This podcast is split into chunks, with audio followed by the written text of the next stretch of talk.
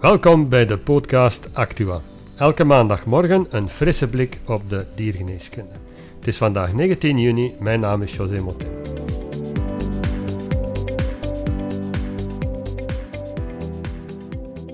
Onderwerpen die vandaag aan bod komen zijn richtlijnen voor een betere diagnose en behandeling van de meest voorkomende endocrine ziekten bij hond en kat.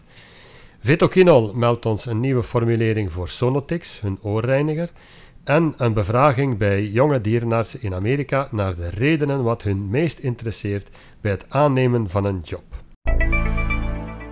Maar eerst. De American Animal Hospital Association, de AAHA, heeft richtlijnen geschreven voor de diagnose en behandeling van de meest voorkomende hormonale afwijkingen. Bij de hond zijn dit hypothyroïdie, Cushing en Addison en bij de kat wordt hyperthyroïdie besproken. Verder behandelt dit document ook minder vaak voorkomende hormonale afwijkingen bij de kat, namelijk hyperaldosteronisme, hypothyroïdie en Cushing. Het is een zeer mooi overzicht, nuttig om uh, dicht bij de hand te hebben. Ik ga ze ook uitpluizen en vermoedelijk opnemen in een van de volgende edities van ons magazine. Wil je ze zelf helemaal lezen? Ga zeker naar de website van AAHA, daar zijn ze vrij te downloaden. Sonotix.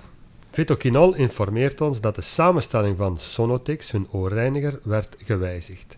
In de goede zin, uiteraard. Sonotix bevat nu geen alcohol en calendula meer, wat het product zachter maakt voor de oren.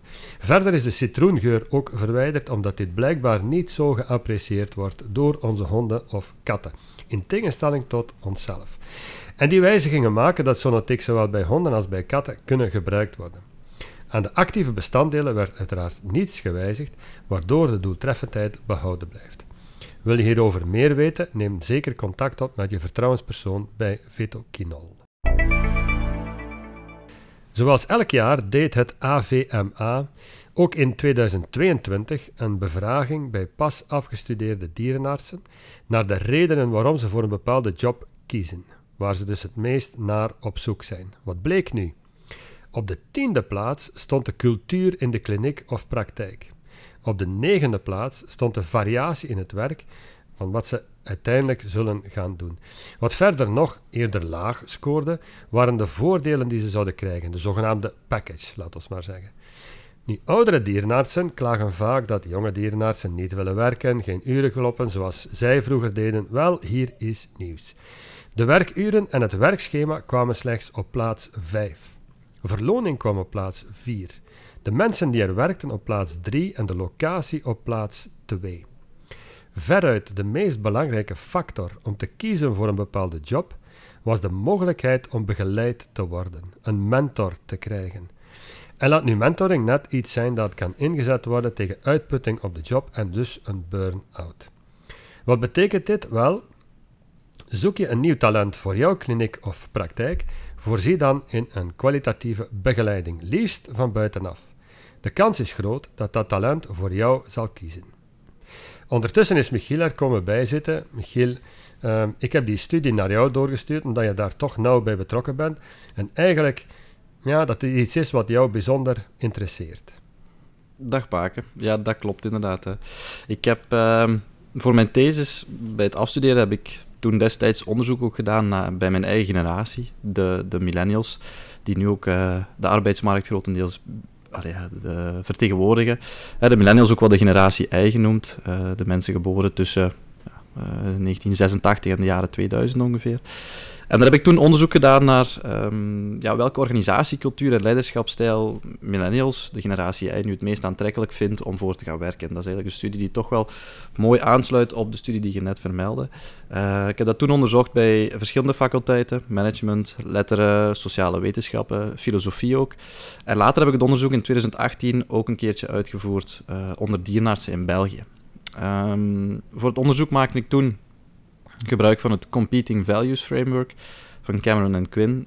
Dat is nu uh, een model dat uh, eigenlijk vier organisatieculturen identificeert, met daar altijd telkens twee leiderschapstijlen in. Um, en voor beide onderzoeken, uh, dus zowel bij de vier faculteiten die ik noemde, als ook bij de dierenarts in België, kwamen eigenlijk unaniem dezelfde resultaten naar voren.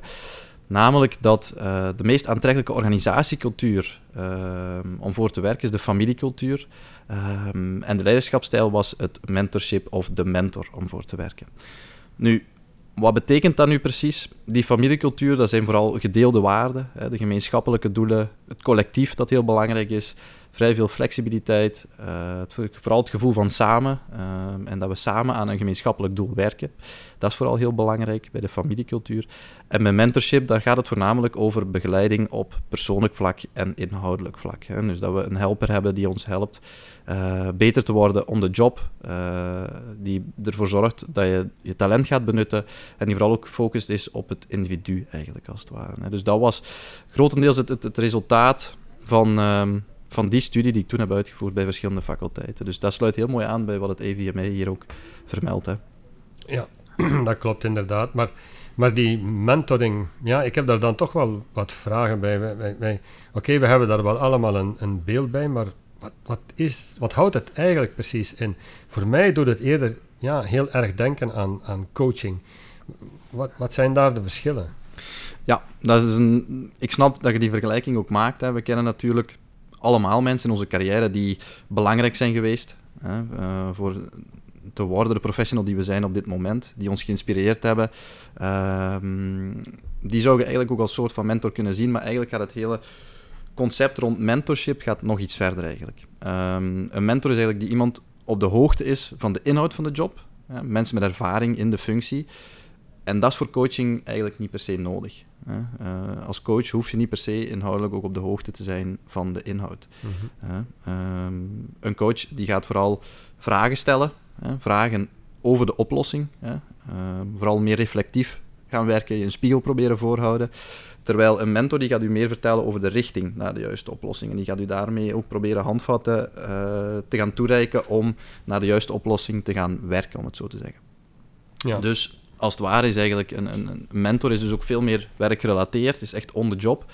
Gaat ook vaak over, uh, of soms, hè, de diepe inhoudelijke technische vraagstukken, maar kan ook gaan over de groei en de ontwikkeling of de carrière van het individu zelf. Dus het gaat ook veel breder daarin. Oké, okay, ja, dat begrijp ik. Nu, is, is dat iets, ja, dat, is dat nodig voor iedereen? Is dat voor iedereen toepasbaar? Goh, uh, dat zijn twee aparte vragen. Hè. Dat is altijd een, een moeilijke vraag. Um, is het nodig uh, is het noodzakelijk om je job te kunnen uitoefenen? Ja, nee, dat niet. Uh, is het voor iedereen toepasbaar? Ja, dat dan zeker wel. Hè. Uh, is het nodig? Ja, nee, maar toch als jonge professional zeg je toch nog vaak onzeker hè, over de inhoud. Uh, maak je de juiste beslissingen? En dan is het toch wel fijn om iemand als, als ruggensteun te hebben in de beslissingen die je neemt. Hè. Ehm, om te weten ook dat je bij iemand terecht kan over de inhoud van jouw job. Hè. Iemand die waarschijnlijk al dezelfde wateren ook doorzwommen heeft. Iemand die je op weg helpt, begeleidt, ook wel behoed voor fouten die hij of zij zelf ook wel gemaakt heeft. En wat vooral ook de rol is van een mentor, is dat hij vooral gaat inspireren ook. Hè. Um, dus is het nodig?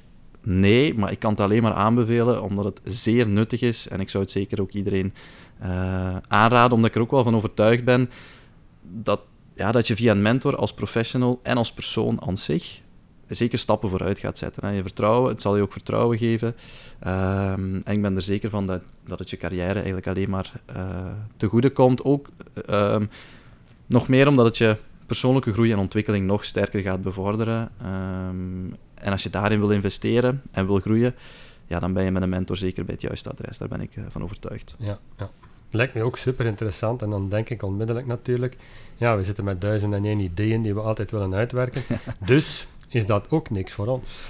Zeker. Um, ik ben daar een heel grote voorstander van. Het heeft, mij, het heeft, ons toen um, na mijn studie ook heel uh, hard ge uh, geïnspireerd. Uh, en zeker ook om het geïmplementeerd te zien worden bij andere sectoren.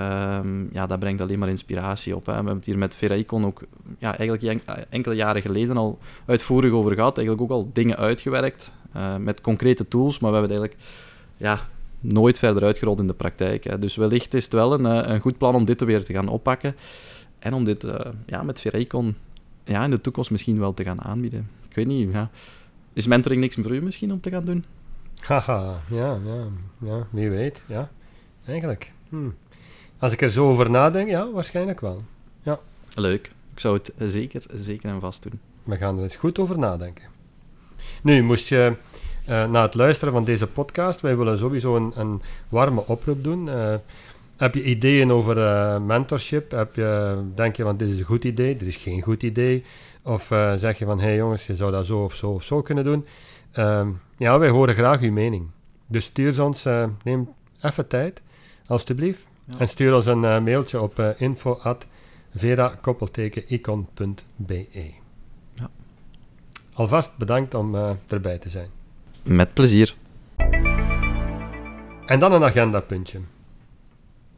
Begin juli organiseerde het EAVPT, dat is de European Association of Veterinary Pharmacology and Toxicology, zijn jaarlijks symposium. Het wordt nog interessanter door het feit dat dit jaar werd gekozen om het in Brugge te laten doorgaan. Altijd fijn om een internationaal congres in onze contraien te hebben.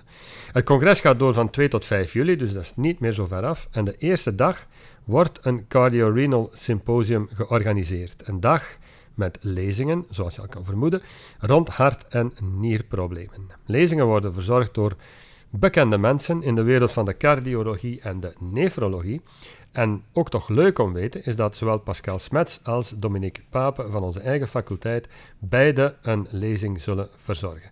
Wordt vast en zeker een super interessante en inspirerende dag en uh, een congres. Dus uh, als je wil aanwezig zijn, EAVPT, uh, op de website daar kan je je inschrijven voor het symposium en voor het ganse congres. Wij zijn alweer aan het einde gekomen van uh, deze editie uh, van onze podcast Actua.